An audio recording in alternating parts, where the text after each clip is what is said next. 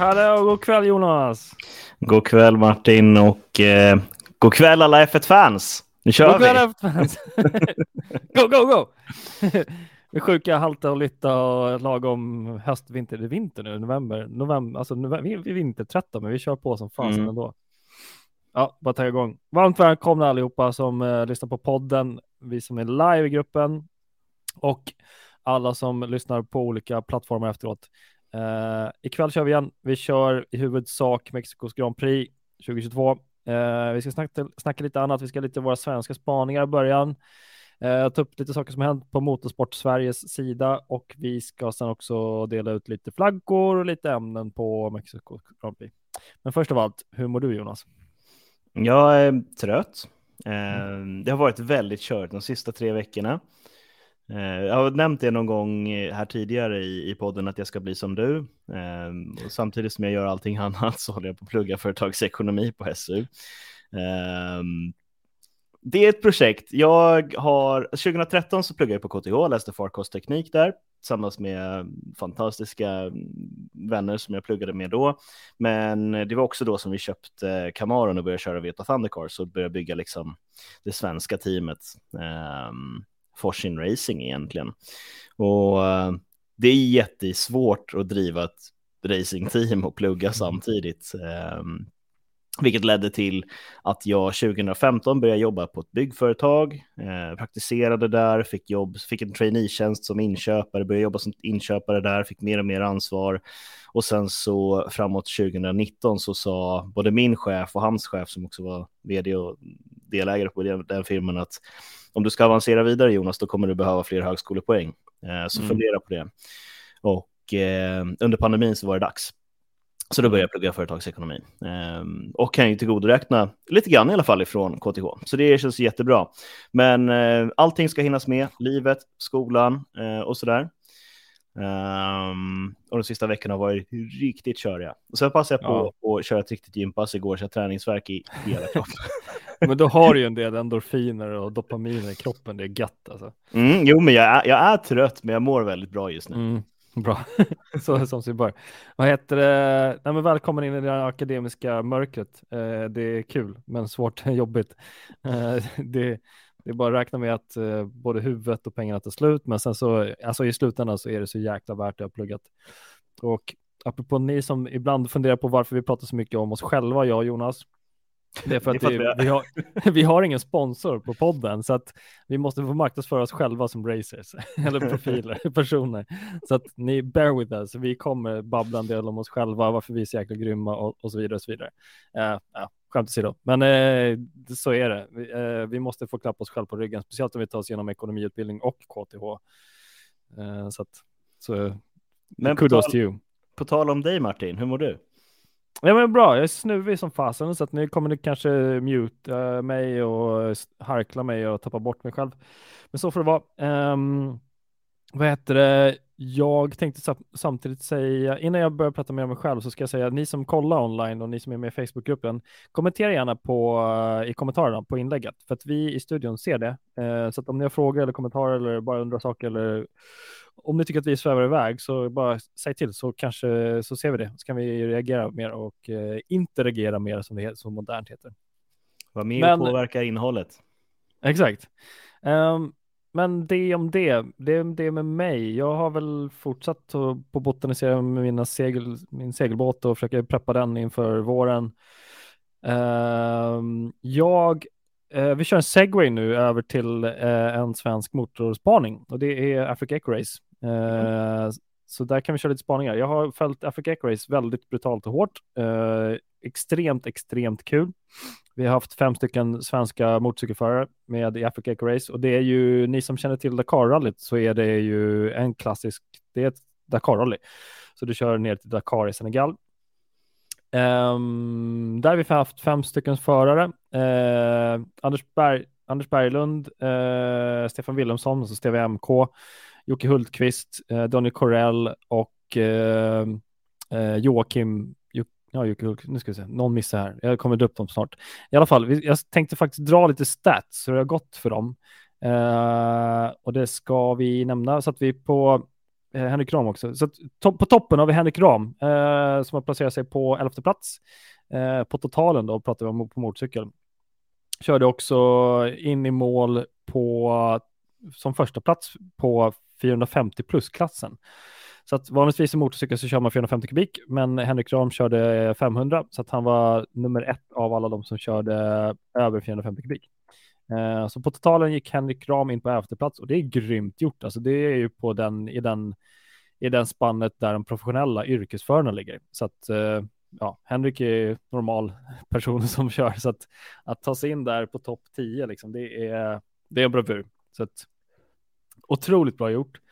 Stefan Wilhelmsholm, eh, Steve MK, eh, har åkt mycket på bakhjulet, är stående på sadeln på bakhjulet, mycket filmat av organisationen så att eh, det har legat ute på eh, sociala medier här och där, gått typ svenskt viralt i alla fall. Eh, Stefan Wilhelmsholm kommer in på en total 13 om jag alla, alla siffror rätt. Eh, första rallyt han kör också står rallyt, så det är extremt bra. Så den killen kan gå på gasrullen verkligen.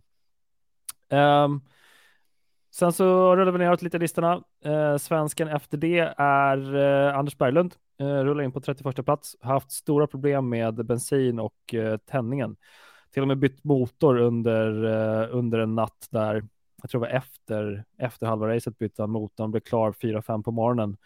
Um, och fick knappt igång den, uh, men lyckades till slut komma ut och hade fortsatt problem. Men han tog sig i alla fall i mål i Dakar. Så rullade in på 31 plats och sen så är det David, Daniel Corell som rullar in på 35 plats. Eh, tagit det lugnt och legat och hjälpt andra förare. Eh, personer som varit på väg att gå in i väggen har Daniel åkt med för att supporta dem och stötta dem så att det har varit eh, en trolig insats. Eh, sen har vi Jocke Hultqvist som har knäckt ramen. Eh, han kom i ett hopp och landade i runt 100 och knäckte ramen, alltså efter styrkronan, bakom styrkronan, han hade knäckt två stycken rampinnar som går rakt in i styrkronan. Uh. Så att han kunde inte fortsätta efter, eh, när det var typ tre, fyra dagar kvar. Otroligt starkt jobbat av alla svenskar. Uh, skit, ursäkta språket, skitkul att följa dem. Uh, det är en sport som jag tycker är underskattad och den är så häftig för att den är så långt bort. Det blir liksom ett äventyr, bara några siffror och några, några prickar på en karta man följer hela dagen. Det gör att det blir liksom, den distansen blir nästan samma som man har på 60-70-talet. Man man bara följer en, en, en, grafik och hoppas att de rör på sig och sen så mm. nu, nu har den här lilla plitten stått, stått till där i 30 minuter. Vad fasen händer? Vad gör han? Tankarna, har han ramlat eller liksom vad är det som händer? Alla bara börjar koka så ser man att 0 kilometer i timmen står det hela tiden. Man, då blir man upprörd och så står, ser jag att det är 45 grader i värmen. Så har de stått still då i liksom x antal minuter och timmar i, i 40 det, jag överdriver inte, det är 45 grader där nere mm. i Mauritanien. Så att eh, ja, otroligt spännande att följa. Så det är, ska fortsätta pusha lite på det och det kommer komma mer av sånt uh, i mars. Då kör jag Africa Eco Race igen och sen så har vi såklart Dakar i januari. Men dock inga svenskar med vetligen som ställer upp där. Det är om men, detta. Ja, men eh, för att lägga en kommentar kring det där, det är ju en av de absolut mest extrema motorsporterna vi har. Mm. Ehm, därför är det väldigt, väldigt fascinerande. Ehm, men som du säger, det går inte att följa det hur som helst. Liksom. Ehm, det är ett rally där du har i princip fri navigering också, eller hur? Du har några checkpoints som du ska passera, men hur du tar dig till dem är upp till dig. Ja, lite smått. Du har ju en roadbook, du har ju både checkpoint och waypoint, så att eh, om du missar checkpoint eller waypoint så får du olika mängder av straff i tidstillägg. Eh, men alla ska passeras och det gör, eh, du måste navigera mellan dem genom en roadbook. Eh, och eftersom man är i öknen, literally i öknen, så finns det ingen uppkoppling så att du kör på klassiska roadbook-navigeringssättet. Det betyder att du får du har, en, du har rader hela tiden med papper som snurrar på styret eller i bilen. Så att vid varje rad så står det att du, nu har du kört 58 kilometer och nu ska du svänga höger vid busken. Sen när du kört till 59 kilometer så ska du svänga vänster vid huset. Uh, och så fortsätter du sådär och räknar kilometer. Så att vid 70 kilometer ska jag åka ner på en, eh, en uttorkad flodväg. Där ska du köra i 70, 70, upp till 78 kilometer. Vid 78 kilometer ska du svänga ur flodbädden och ska du köra, hålla på kompassriktningen 180 grader. Uh, så det är så man kör i öknen, literally. Uh, och det är ju jättes... Du kan inte följa någon där ute. Det finns ingen mottagning. Du har ingen, du har ingen möjlighet att sända någonting där ute. Det är ju det är öknen. Du är lost där ute. Så att det enda sättet du har kontakt med omvärlden är en, en GPS eller satellittelefon som är inkopplad på motorcykeln. Och den kan du ringa till organisationen om någonting händer. Uh, de, ser också, de får också varningssignaler om du inte rör på dig, så att då kommer de ringa till dig via satellittelefon. Uh, så det är mm. lite en satellittelefon du har uh, kontakt med till omvärlden, annars är du helt ensam ute i öknen. så att klotar du så kommer de se att du inte rör på dig på organisationen, så kommer de ringa till en satellittelefon som är kopplad till hojen. Det är en högtalare. om du inte svarar där inom 30 sekunder så skickar de automatiskt ut en helikopter till dig eller typ 15 sekunder. Så skickar de ut en helikopter till dig och så hoppas de på att du lever när du kommer fram med helikoptern. Mm. Um, och ja, eller om du har kravlat fram dig till hojen, trycker på grön knapp uh, på den satellittelefonen, då skickar en signal att du lever och du kan fortsätta. Mm. Eller så trycker på röd knapp och då kommer en helikopter och hämtar mm. dig i bår antagligen. Uh, så det är så det funkar och det är därför det inte går att följa på något sätt som du säger. Det, är, det enda du har är de här datapunkterna som skickar datatrafik. Liksom.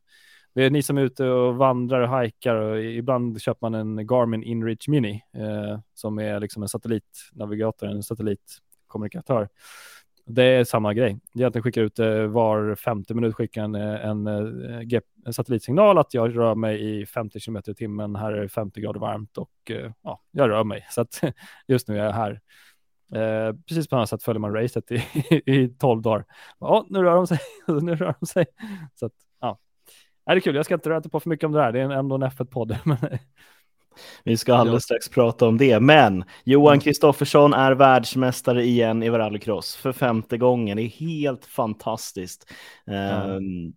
Det här går mot historien. Alltså det är stort, stort grattis till, till Johan, resten av KMS och ehm, alla människor som har gjort eh, det världsmästerskapet eh, möjligt att ta hem. Och stort grattis till, till Sverige och svensk motorsport för det här. Mm. Ja, det är helt galet. Jag satt och tänkte på det idag. Johan Kristoffersson är en sån person som inte många vet någonting om. Vill ja, det, det, det, det beror ju på. Det, ehm, han är ju ett av de största namnen i svensk motorsport, så eh, ja. är, är du inne i den svängen så ja, det, det har du mm. koll på. Men eh, är du bara casual motorsportfan och kollar F1 så känner du kanske inte till Johan. Exakt, och i synnerhet om man är halvt Formel 1-fan och bara kollar på Drive to Survive, vilket är okej okay att vara. Mm. Då vet man inte vem Johan Kristoffersson är. Men jag, han är en sån person som kommer dyka upp på Mästarnas Mästare om några år och mm. i, ja, eh, i, vad heter det, och, och, folk kommer bara, va? Har du gjort det där fem gånger? precis. va? Varför har jag inte hört om dig liksom? Uh, så att han är en typisk sån här människa som, som man bara, vem är, det är också någon, någon person, jo men det är, apropå, det var ju Gotland Grand National i helgen. Mm. Kollade jag också på. Där är Anders Eriksson. Det är också en sån person som har tagit eh, sju stycken mästerskapstitlar och det är ganska få utanför sport, motorsportvärlden som, som vet hur duktig han är och vad han har gjort. Liksom. Men mm. eh, han har också varit med på Mästarnas Mästare och sådär. Det är många som inte visste vem han var förrän, förrän han är med. Liksom. Så Johan är ju... att det programmet finns faktiskt. För en annan får ju reda på massvis om framförallt nischade vintersporter och sådana där saker eh, från det. Så det är, det är roligt. Ja, kul. Jag kollade på dokumentären om Björn Ferry. Det var också så här, oh, mm. okej, okay. ja, grym liksom. Ja. Uh, men hats, hats av Johan. Mm. Jag kommenterar ju det svenska mästerskapet i virtuell bilsport just nu, powered by Porsche. Um, fyra deltävlingar ingår i det mästerskapet, de tre första är avklarade. Ehm, finalen går den 20 november, så om 19 dagar. Um, Force Esports är svenska mästare i um, teammästerskapen. Det är avgjort och det är klart. Uh, och det ser ut som att uh, SM-titeln när det kommer till förmästerskapet kommer stå mellan uh, Adam Isaksson och Sam Hammarstedt. Uh, Hammarstedt är tävlande för Force Esports och eh, Adam Isaksson för um, Bernhard RC76 ett tyskt team. Nice. Så, uh, ja, uppdatering kring det. Sen, Fia Motorsport Games, Martin. Ja, yeah. enlighten us. Vad är det för någonting? Ja du, jag vet inte. Ja. Vad ska jag. Fia Motorsport Games är väl någonting som eh, kom upp i, eh, i mitt ansikte för första gången när eh, Andreas Bäckman berättade för mig att han skulle köra där. Ehm, och sen vidare då med de kontakterna jag har på Svenska Bilsportförbundet som passade på att åka ner dit ett helt gäng. Ehm, bland annat Niklas Falk då som jag jobbar väldigt nära när det kommer till virtuell bilsport. Ehm, det är väl någonting som i framtiden kanske utvecklas till ett olympiska spel i motorsport kanske. Eh, eller i alla fall bilsport. Eh, och eh, man har kört en hel del olika klasser. Man har kört crosskart, rally, eh, touringcar, bilar. Ehm, slalom tror jag de kallar det. Mm. Och jag har, inte, jag har inte följt det här. Jag har varit, eh, haft mitt huvud massvis med andra saker istället. Ehm, och jag har inte riktigt funnit en eh, komplett eh, sammanfattning för, för hur det faktiskt har gått eh, för Sverige. För det är det som har varit hela, eh, hela upplägget i, i det här. Att du kommer dit som en nation, du tävlar med din nation istället för att du tävlar med ditt team. Eh, mm. Och det är ju väldigt unikt för, för motorsporten. Eh, ja. För närmare tio år sedan så öppnade en kille från Åkersberga som heter Oliver Abrahamsson en Facebookgrupp som heter Racing Olympics och ville liksom dra igång och väcka tanken om att vad skulle hända om vi hade ett olympiskt spel i racing. Mer mm. än just Race of Champions. Den gruppen tror jag har 300 000 medlemmar mm. i det här läget och folk vill se det. Och det, det, är klart att det hade varit jättehäftigt att ha alla världsstjärnor på ett och samma ställe, precis som OS är, kanske var fjärde år som ett jätteevent. Men frågan är hur gör man det rättvist? Mm. Um, för det vi alla vet som följer den här podden och som kollar F1 är att det är bra stor skillnad på att köra en Alpine mot att köra en Mercedes. Um, och teamet spelar, uh, gör, gör, ett jättestort jobb. Och vem skulle driva ett landslagsteam i så fall? Vem skulle betala för sponsorerna? Hur skulle det teamet stå sig på uh, den nationella marknaden? För att det är inte så vi tävlar i motorsport, uh, mm. rent historiskt. Men ehm, FIA har gjort ett steg i rätt riktning där tycker jag, med att ha ett evenemang Eh, jag vet alldeles för lite om bakgrundshistoriken eh, och, och liksom hela infrastrukturen bakom det. För det fanns bilar där, vem som äger dem, vem som driver dem, det har jag inte så stor koll på just nu. Det får eh, FIA och SPF komma tillbaka till mig och informera mig om om de vill att jag berättar mer i den här typen av eh, mm. sammanhang i alla fall. Men de har kört ja. i alla fall. Andreas Bäckman följer jag, så där vet jag hur det gick. Han kom sexa, han startade sist i finalen och körde upp sig till sjätte plats. Bra jobbat. Eh, jag vet att eh, Jari Liten var där nere också, körde rally. Eh, kommer inte riktigt ihåg resultatet därifrån, men eh, jag höftar lite grann. Vi har nämnt Fia Motorsport Games i alla fall. Bra, så det, ja, det har vi gjort det. Ja. Kom ihåg vart ni hörde om det först. Eh, nej, men det var bra. Det ska bli intressant att se. Jag, jag, jag har faktiskt rantat om det där förut. Eh, det var under den tidsperioden när eh, Formel 1 hade lite problem. Innan Liberty Media köpte dem, i alla fall två, tre år sedan tror jag. För då då pratar man väldigt mycket om att F1 hade problem att attrahera nya, nya fans. Det var jättesvårt att få in. Det var ju långt innan uh, Drive to Survive. Mm. Uh, och då filosoferade jag kring det där, tyckte, jag skulle säga att jag tyckte mer om det där än att filosofera, att man kanske skulle göra som man faktiskt hade gjort ett år, man gjorde något test av det på Formel 1, att man körde med nationer. Att vissa mm. nationer fick utveckla sin båtar. Precis som America's Cup i segling. Eh, mm. Då får varje nation tillverka sin egen racecraft i sitt eget land och det är det som är regeln bakom det. Och eh, i America's Cup gör man det. Då måste man ju ha ett, en nation. Man tävlar i nationer helt enkelt som Olympics. Liksom.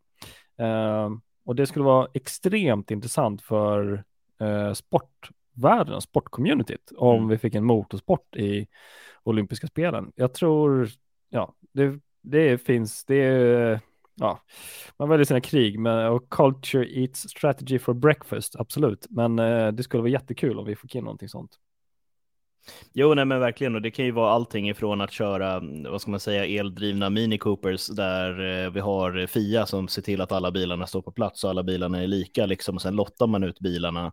Eh, så får varje land välja ut vissa förare som ska köra, liksom, mm. på olika sätt och bara filigt, se hur det är liksom. Um, Exakt. Och det behöver inte vara kanske inte, jag menar, det, det, kan vara, det kan vara racing, det kan vara rallycross, det kan vara rally. Det som passar det OS tycker jag. Arrangören får välja liksom. Ja. Um, och det är enhetsbilar. Det här, här, det, här är, det här är faktiskt en sån här grej som om Saudiarabien skulle få eh, OS under Mohammed, Mohammed bin Salmans tid. Mm. Eh, som, som han skulle kunna, liksom, att det här vill jag göra. Eh, ja. Hur jag vet att få det att fungera. Ja. Eh, det går att säga mycket om den mannen, men han har ett stort hjärta för motorsport. Ja, det har han. Han får saker gjort, verkar som. Ja, eh, nu ska vi eh. lämna eh, politik kring eh, länder som inte är diktaturer och så ska vi prata om Formel 1 istället. Formel 1, okej, okay. ni har just väntat över 20 minuter på att vi ska prata Formel 1. Nu kör vi. Um, Mexikos Grand Prix. Har du en yes. generell kommentar först på racet? Jag, jag har en generell kommentar. Ska jag ta den först eller vad tycker du? Mm, ja, se om det. Jag, jag har en också, men uh, kör. Jag eh, har hört från lite olika håll att det var lite tråkigt race och jag måste hålla med. Eh, jag fick inte känslan av att det var fighting och jag fick inte känslan av att det var tempo någon gång. Förutom som vanligt de sista varven. Sista tio varven, men det händer mycket saker då. Det är liksom starten och sista tio varven är mest intressant. Tycker jag har varit mycket, men egentligen ingen större rant om, om racet än sådär, att jag tycker att det var lite så här mediokert faktiskt. Eh, vi har varit lite bortskämda i år kanske, eh, men jag fick ingen epiphany. Det var några omkörningar som var lite spännande och lite incidenter, eh, speciellt när Ricciardo satte banken till och gjorde sin körning. Det var otroligt fint, men rent generellt så fick jag ingen så här uh, känsla att nu kommer den, nu kommer det hända, hur, vilket pitstop, när går de in, utan det var lite, jag måste säga att det börjar bli tråkigt när Red Bull äger alltihopa. Det tycker jag. Det blir så här, ja, det är ju inte, speciellt i starten när det liksom Max var så jäkla snabb och han bara, ja, det vart ingen fight här heller, inte ens in i första kurvan så vart det någon fight. Det brukar alltid bli det, liksom första, tredje, första och tredje kurvan så blir det fighter. Men nej, det var bara så här, ja okej, okay. nu blir det följa John igen. Ja, jag är lite bitter den här gången. Jag till och med tillåter mig själv att vara det någon gång ibland. Så att nej, sådär. Ja, spola tillbaka två år så byter du ut den där Red Bullen till en Mercedes och så är det samma sak där, fast då hade det också varit så i flera år eh, innan dess. Eh, men F1 har ju lite den, eh, vad ska man säga, Eh, tittar man på historiken så, så, är det så F1 oftast utvecklar sig till sist. Att ett team eh, hittar någonting med tekniken, och förare kommer in i bilen och ett bra samarbete i teamet som funkar väldigt bra. Eh, mm. Som eh, får de andra teamen lite grann ur fokus. Man kanske provar för mycket istället för att göra små liksom, utvecklingssteg vidare. Mm. Ehm, och um, sen är ju frågan så här, Max Verstappen, världsmästare i år, frågan är vad man kommer hitta på till nästa år och eh, hur mycket man från de andra teamen har liksom tagit ett steg tillbaka. Okej, men vi skär ner på budgeten nu. Vi vet att vi kommer klara oss ungefär på det här. Vi lägger undan pengarna till nästa år eller börjar utveckla år, nästa års bil. Eh, det finns det ju budgettak såklart, men det går ju alltid att förbereda saker och ting i fabriken innan. Mm. Um, nu när vi börjar gå mot slutet av säsongen. Och um, men jag håller med dig, statiskt race, absolut. När det är, samma topp tre ligger, ligger i topp tre på samma platser, mm. varv 9, varv 45 och på målgångsvarvet. Mm. Så, um, så talar det väl för att ja, men det var så snabb ettan var, det var så snabb tvåan var, det var så snabb trean var. Ja. Um, och det bjöd inte upp oss till, eh, till supermycket. Men det var många försök till, eh, till ganska aggressiva omkörningar och det tyckte jag var rätt så intressant att se eh, med lite kontakter och sådär mellan bilarna och, och sådär. Eh, mm. Men eh, ja. Ja, eh, tillägg där. Jag måste säga att eh, hatten av till Max Verstappen. Eh, slagit rekord i antal vunna race per säsong. Mm. Sen kan vi börja diskutera procentuellt antal vunna race per säsong och då, där tror jag Sean Emanuel Fangio fortfarande leder. För jag har för mig att han hade fler procent. Men det kan vi debattera om och kolla i gruppen. Men ja, absolut, eh, Max har gjort en bravur i år och eh, jag tycker att jag hoppar in lite här på mina ämnen, men eh, jag gör en liten, liten, en, en, jag följer över. Max glädje på podiet det här racet var, tycker jag, det var ett otroligt lugn man såg i hans ögon. Mm. Jag blev för, starkt förvånad och väldigt, väldigt glad över det, hans, hans kroppsspråk och hans ansiktsuttryck på bordet. För att det kändes som att han, han hade slagit rekord, vunnit eh, vunnit eh, Constructors title och eh, Drivers title. Eh, vilket gör att han hade så otrolig jag vet inte, jag hittar inte orden riktigt, men han hade, han hade ett lugn i blicken och han var bara nöjd på hela kroppsspråket var det. Jag tycker det var jättehäftigt att se, men eh, det var egentligen inte riktigt min, min topic. Jag skulle kunna, skulle försöka hoppa in i den, även fast jag är förkyld som en, en björn. Men mm. eh, mitt ämne var faktiskt eh, Audi. Mm. Att Audi nu kommer in i, i Formel 1. För jag tror inte vi har nämnt om det. Vi har snackat om det i gruppen eller någonting, men jag tror inte vi har dragit i podd. Och jag tycker det är jäkligt ballt.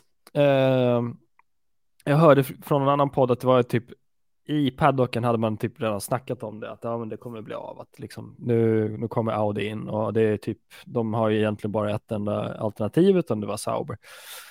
Eh, vilket jag inte hade fattat riktigt att det fanns bara ett alternativ, men okej, okay, så kan det vara. Eh, men Audi på väg in, de kommer köra från 2026 om jag minns rätt.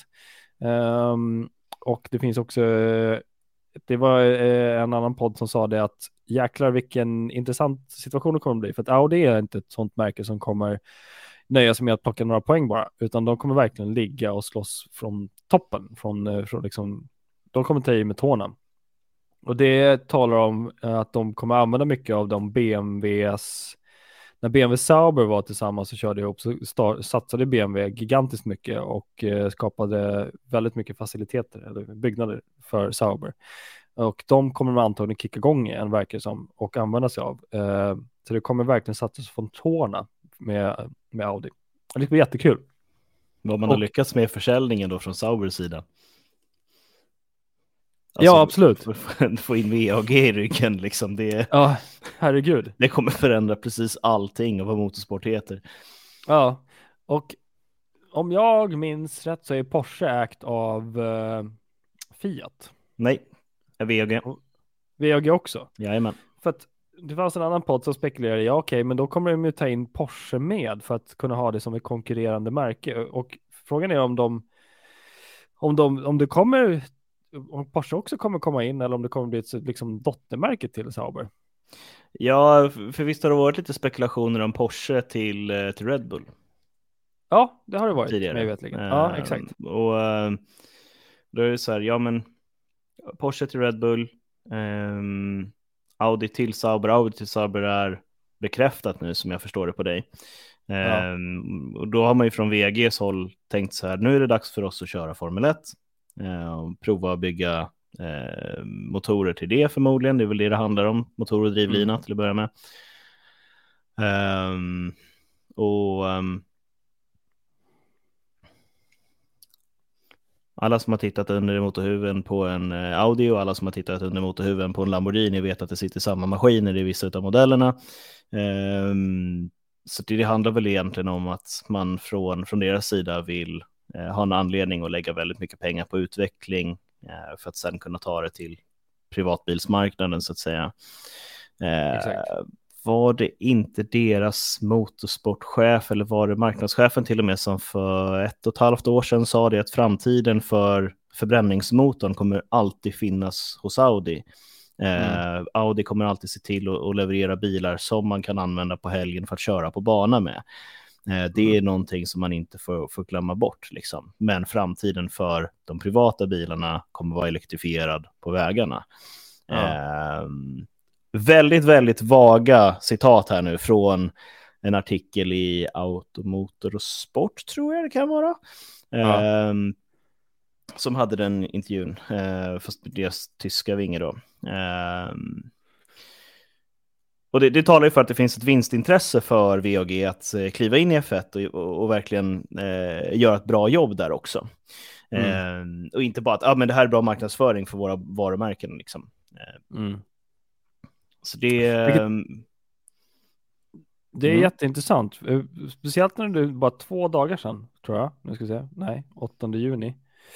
Uh, 8 juni. EU-parlamentet beslutade på onsdagskvällen att förbjuda all försäljning av nya bensin och dieselbilar inom EU från 2035. Mm. Uh, så att vi kommer inte, den marknaden kommer ju stänga, så det är bara mindre, ja, det är mindre än 15 år dit. Mm. Uh, och det är intressant att man uh, ändå tittar på förbränningsmotorerna så pass, uh, så pass skarpt som VAG. Och uh, Formel 1 är ju en liten research and design, nej, research and development sfär för VAG och många bilmärken att de testar nya motorer. För VAG ännu, men kanske snart. Ja, precis.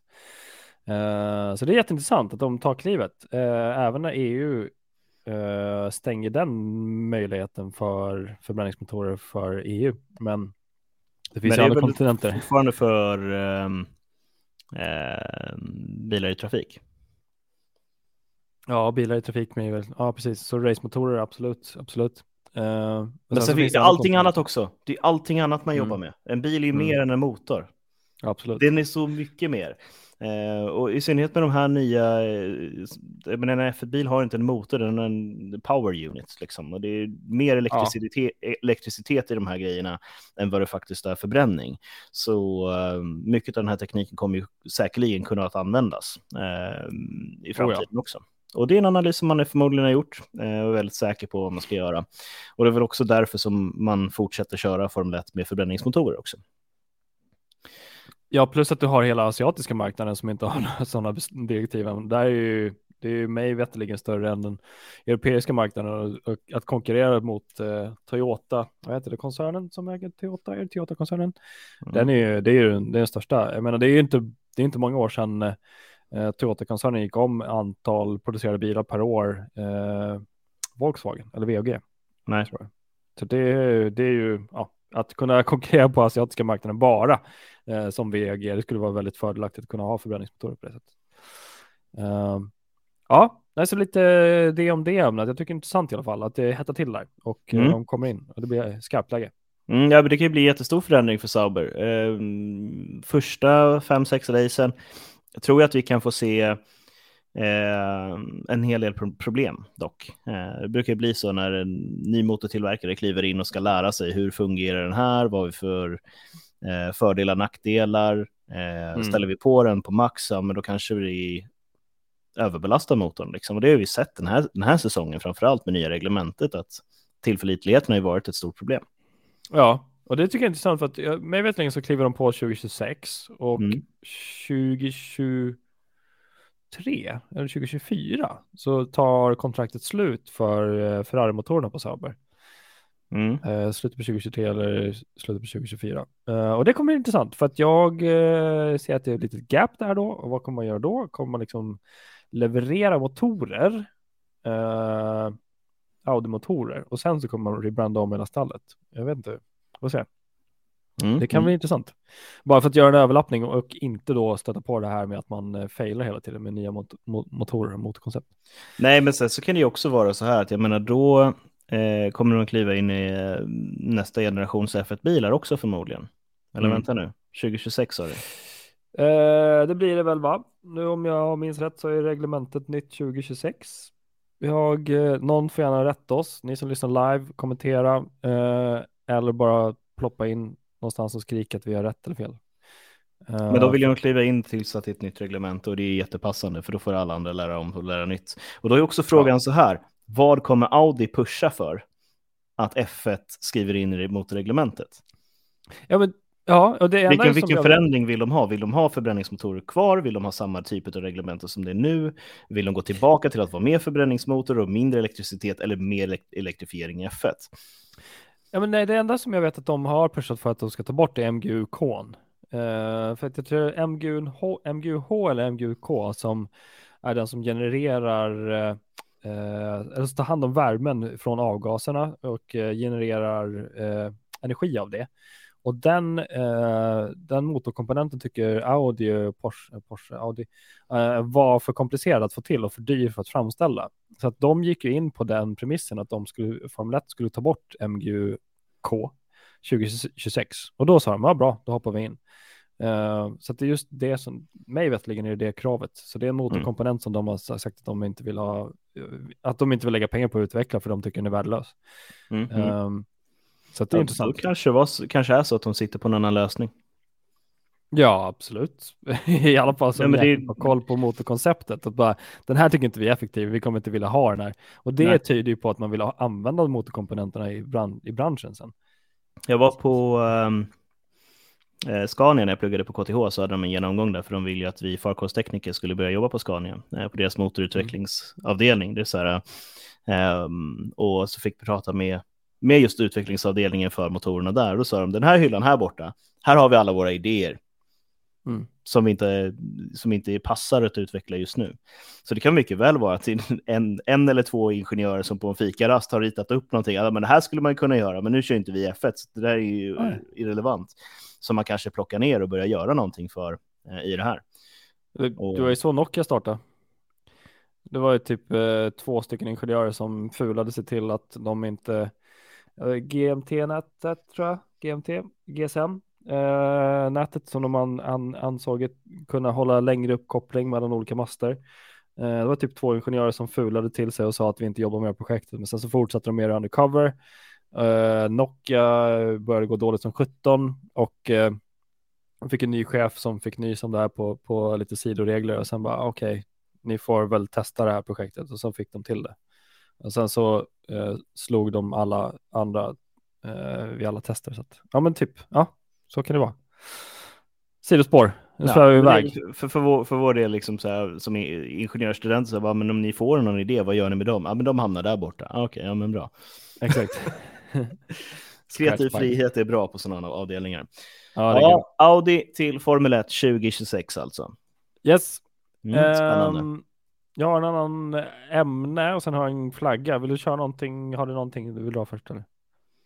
Nej, men det, det jag har att poängtera kring det här racet är ju att det har varit väldigt statiskt. Ehm, och det har varit lite action med framhjul som har blivit överkörda av bakhjul för att man inte riktigt har eh, kommit överens. När man stänger in i en vänsterby och så svänger det höger direkt efteråt. Du kan- ju lita på att bilen bakom som försöker köra om kommer sticka in nosen liksom. Ja. Ehm, och så, så kanske det var lite väl överoptimistiskt liksom i en formelbil att göra sådär. Men det, då blev det som det blev och det var bestraffning på det sättet. Exakt. Nej, men det, jag, jag har det, den också. Eh, jag tror det är samma. Gasly? Nej, Mm. jo, ja. Det- jo, men det som jag tänkte spinna vidare på med Gasly. Eh, jag ska se hur långt vi hinner med det här ämnet. Jag tror eh, vi kan börja runda. Får se. Men Gasly i alla fall, han har dragit på eh, sig tio stycken penalty, penalty points nu. Mm. Ehm, och enligt reglerna så är det så, om jag fattat det rätt, så är det att när man dragit på sig två sty- 12 stycken penalty points, alltså det vill säga två till, då blir man eh, avstängd ett race. Ehm, och jag, jag tror att nummer två i ligan 2022, alltså just nu är, eh, nu ska vi se om jag kommer ihåg i huvudet, ska vi tjuvkika? Penalty tjuvkika. points-ligan, det är... Penalty points-ligan. ja, det är, man kan, det är, man kan tävla i mycket här. Ja, ja, precis. Eh, nej, jag får inte fram det just nu. Anyways, det finns eh, folk som är, som är på, eh, på, på toppen där fightas mot varandra vid penalty points-ligan. Ehm, det jag skulle komma till var att eh, jag tror inte det har skett och eh, det som man också ska tänka på angående penalty points är att de eh, ko, eh, ackumuleras heter det, under en 12 månaders period. Så att eh, även fast man har ett nytt, ett nytt år av Formel 1 och ett nytt mästerskap så följer de med i 12 år. Mm, mm. Ja, det är så de har löst det. Ifall att du, du trillar upp i, i 12 penalty points sista racet liksom, så är det inte nollställt nästa säsong. Utan, Eh, exakt. Du nej, kan ju, nej, men det är bra. Det är ett bra du system inte- tycker jag. Ja, för annars kör du ju Cannonball, vad heter det? Crazy Max Crash, Crash-tappen. Du kör ju på sista, sista racet för att krascha ut folk. Mm. Och så skiter du och så om det nollställs. Liksom. Ja, men precis. Så det är 12 månaders period det ackumuleras på och eh, därför måste man konstant jobba, jobba bort dem. Så det är intressant. Gasly mig vetligen är ju signad till nästa år och eh, då kommer han fortsätta in där kanske med x antal points. Ehm, så att ja, by the way, vi har inte haft så mycket silly season. November är det nu. Mm. Mm. 17. Eh, Mm. Jag hoppas det, det, det är ganska mycket platser som är satta liksom. Eh, så det, har inte, det har ju varit ganska utspridd season. Det är lite tråkigt. Men Mm, vi kan tillägna nästa avsnitt och verkligen grotta ner i season. Vem går vart och varför? eller hur? Vi kan Mm. göra liksom en mindmap på Mm. vem hoppar ditåt Ja.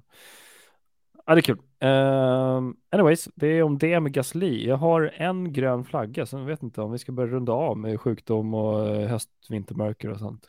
Jo, men kör din gröna flagga. Jag kör. Um, Alonso. Mm.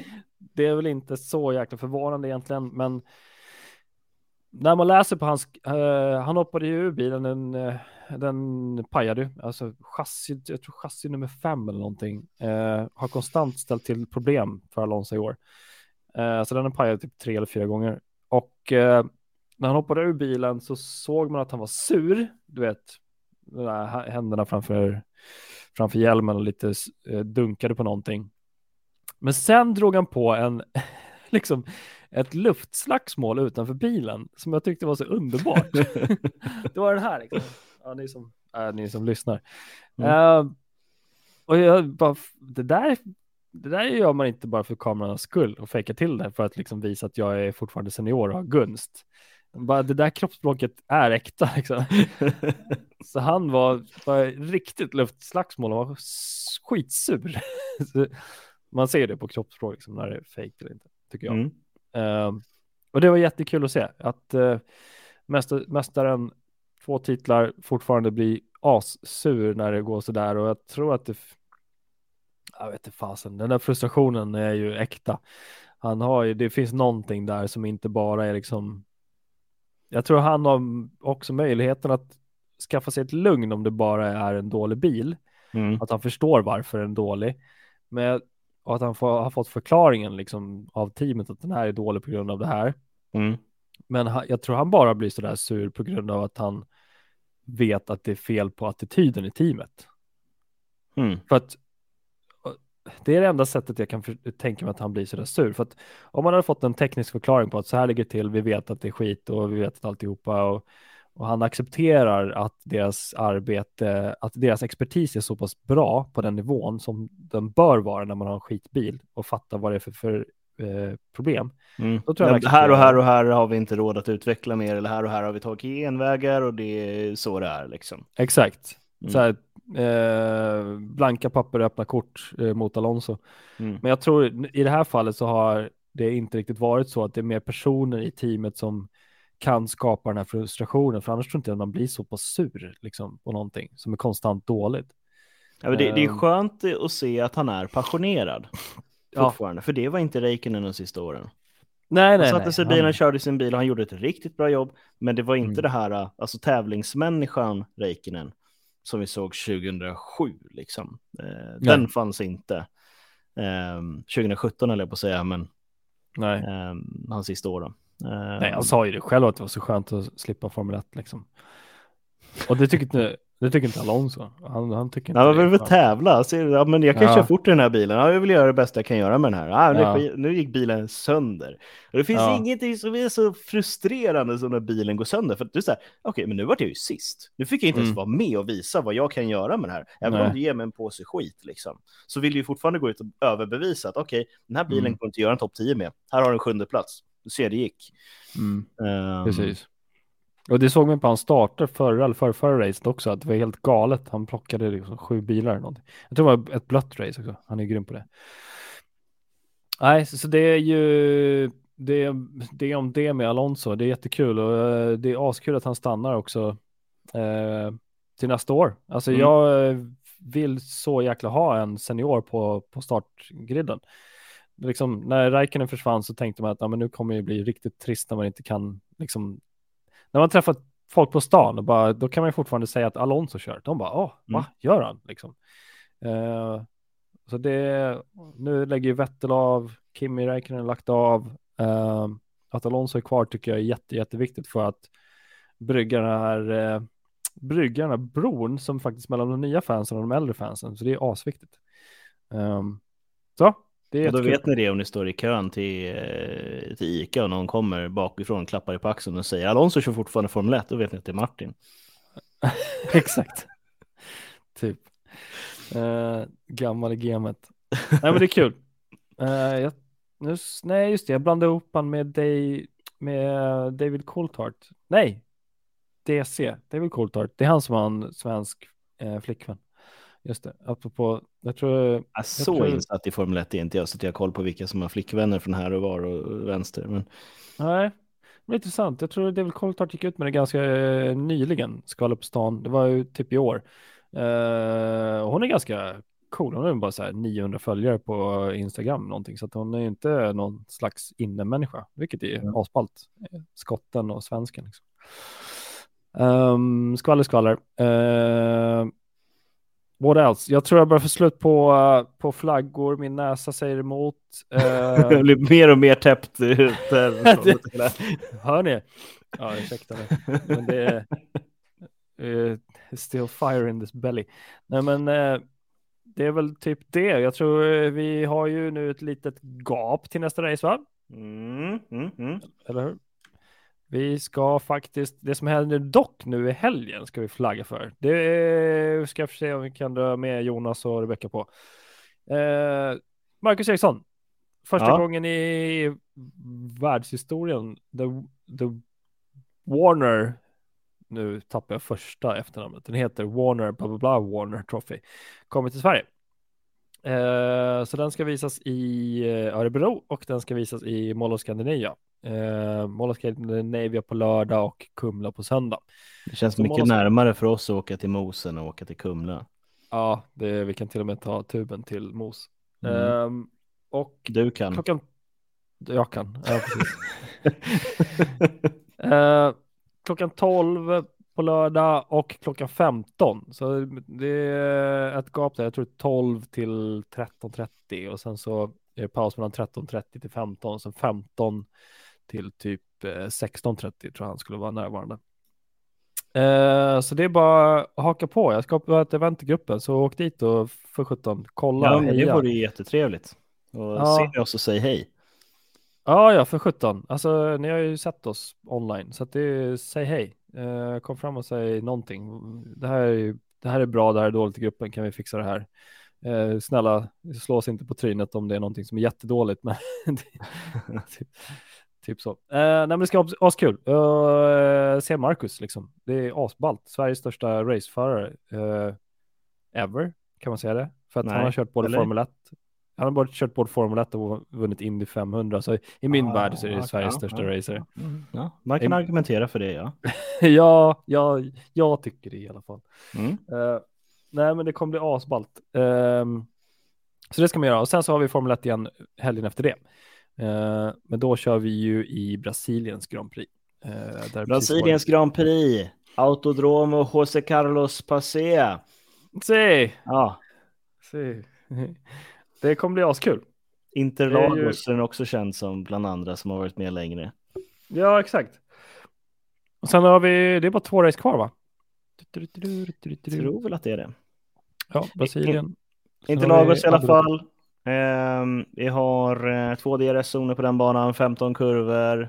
Första GP var 1973. Eh, vi kör väl 71 varv på den. Jag tror att banrekordet ligger här någonstans runt en 10 och ett par tiondelar. om det är en 10-4 eller en 10-8 eller någonstans däremellan. Snyggt. Ehm, fantastisk bana, upp och ner. Eller ja, den börjar Ja. ner, så ner och upp. Och det har ju historiskt sett hänt väldigt, väldigt mycket på den banan. Så det är fantastiskt. Ehm, där kommer jag sitta, med bänk, sitta bänkad. Ja, det kan vara ett jäkla fest där nu för att de har ju fått ett nyval, en ny president. Så att det kan vara man över huset, man ur huset som går över, man över huset. Jaha, okej, ja. Så det kan vara intressant. Fullt ös där. Men det om detta. Vi ska väl inte dra ut på det längre så. Nu, nu, det är så jäkla bra att det finns mute-knapp så man kan muta sig när man snurrar. Jaha, det är det Så är en livepodd. Jag ser saker hända här. Vad gör han nu för någonting? Vad gör han? Nej, men så är det när man kör live. Då är det äkta och avskalat. Ehm, bra. Ska vi tacka för oss? Ja, men det tycker jag vi gör Martin och tack alla ni som är eh, där ute och tittar och lyssnar. Eh, och krya på dig Martin och sen så eh, eh, du och jag Martin syns i helgen och ni som vill träffa oss då dyker upp i Mall of Scandinavia. Det gör vi. Och tack själv Jonas. Tack så mycket. hörs. Ha det gott. Hej! Tja.